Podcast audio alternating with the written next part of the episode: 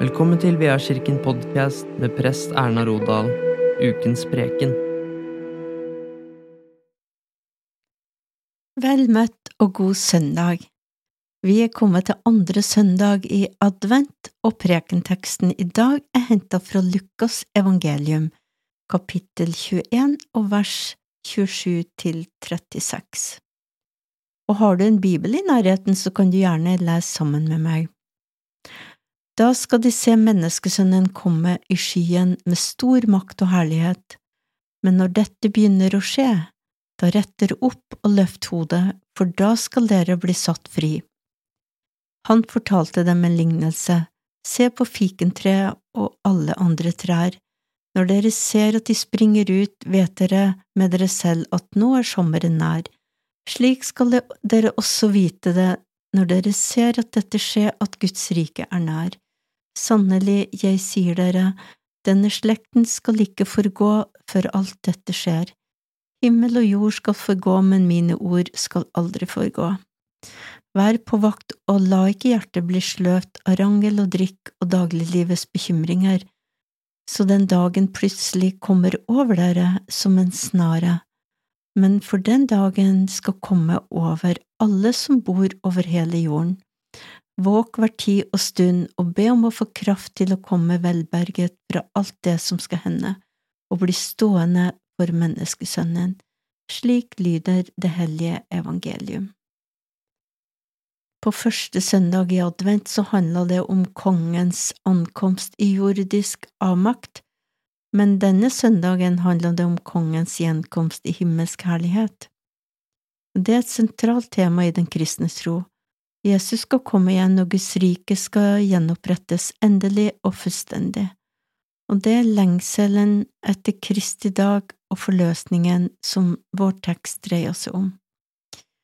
Teksten er en apokalypse, og en apokalypse betyr åpenbaring, det vil si åpenbaring om det som skal skje i endetida, når historieløpet går mot klimaks, som både Matteus, Markus og Lukas vitner om på flere punkter spiller teksten på Det gamle testamentets tekst, særlig på Daniels bok, som på mange måter er GTs motstykke til Johannes' åpenbaring. I et bibelsk helhetssyn er Jesus Kristus både historiens midte og mål, og troen lever i håpet om å få erfare Kristus og en gang få se han som han er som Johannes formulerer det. I den første generasjonen av kristne så var adventsmotivet et litt annet, hadde et litt annet innhold enn det vi har i dag. Vår advent er først og fremst fokusert på Jesusbarnet og Jesus-forberedelser. Og juleforberedelser, selvfølgelig. Oldkirka sin adventsforståelse var retta mot Kristi stadig komme til sin kirke gjennom ordet og sakramentene, og hans andre komme i triumf.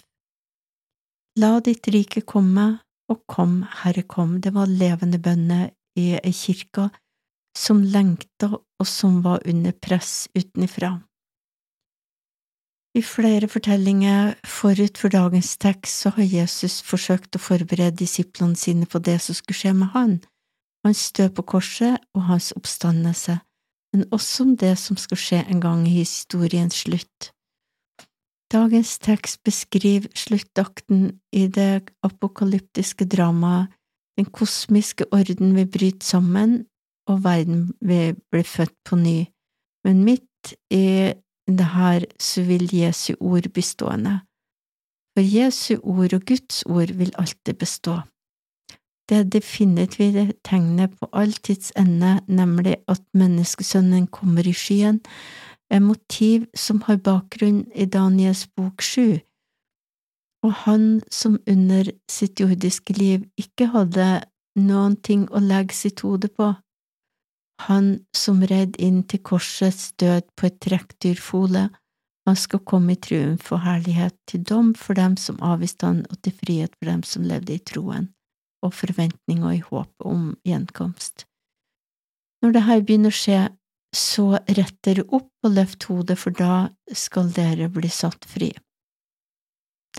Skaperverket skal bli gjenoppretta og bli nytt, og Bibelens fremtidsbilde opererer ikke med en diffus tåkeheim, men en ny himmel og en ny jord.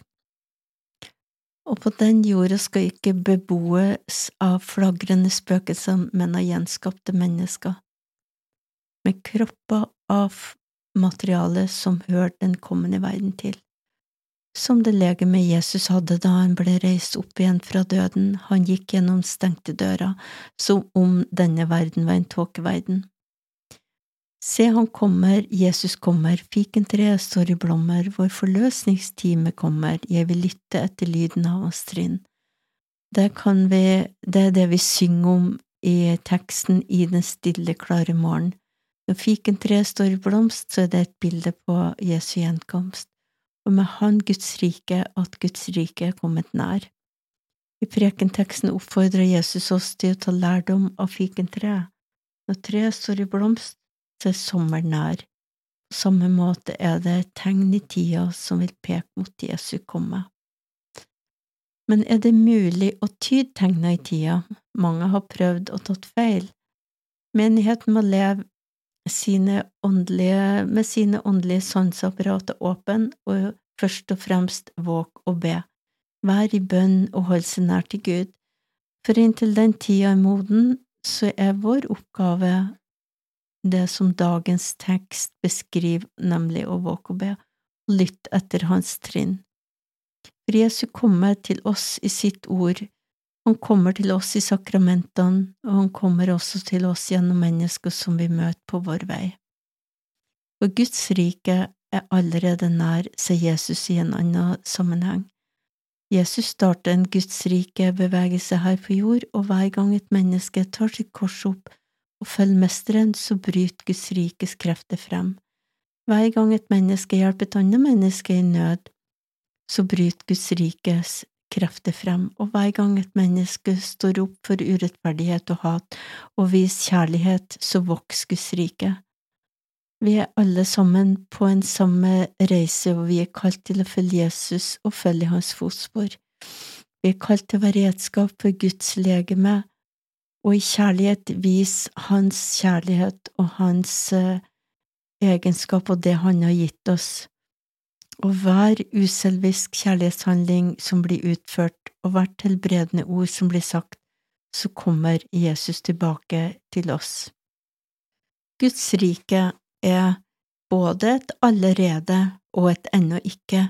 I adventstida forbereder vi oss på Mesterens komme og Guds rikes komme, La oss i denne adventstida være lydhøre, så vi kan lytte etter lyden av hans trinn, for ett er sikkert at han er nærmere nå i dag enn han har vært noen gang. Ære være Faderen og Sønnen og Den hellige ånd, som var, er og blir en sann Gud, fra evighet og til evighet. Takk for at du lytta til VR-kirkens podkast. Ta imot Herrens velsignelse. Herren velsigne deg og bevare deg. Herren la sitt ansikt lyse over deg og være deg nådig. Herren løfte sitt ansikt mot deg og gi deg fred.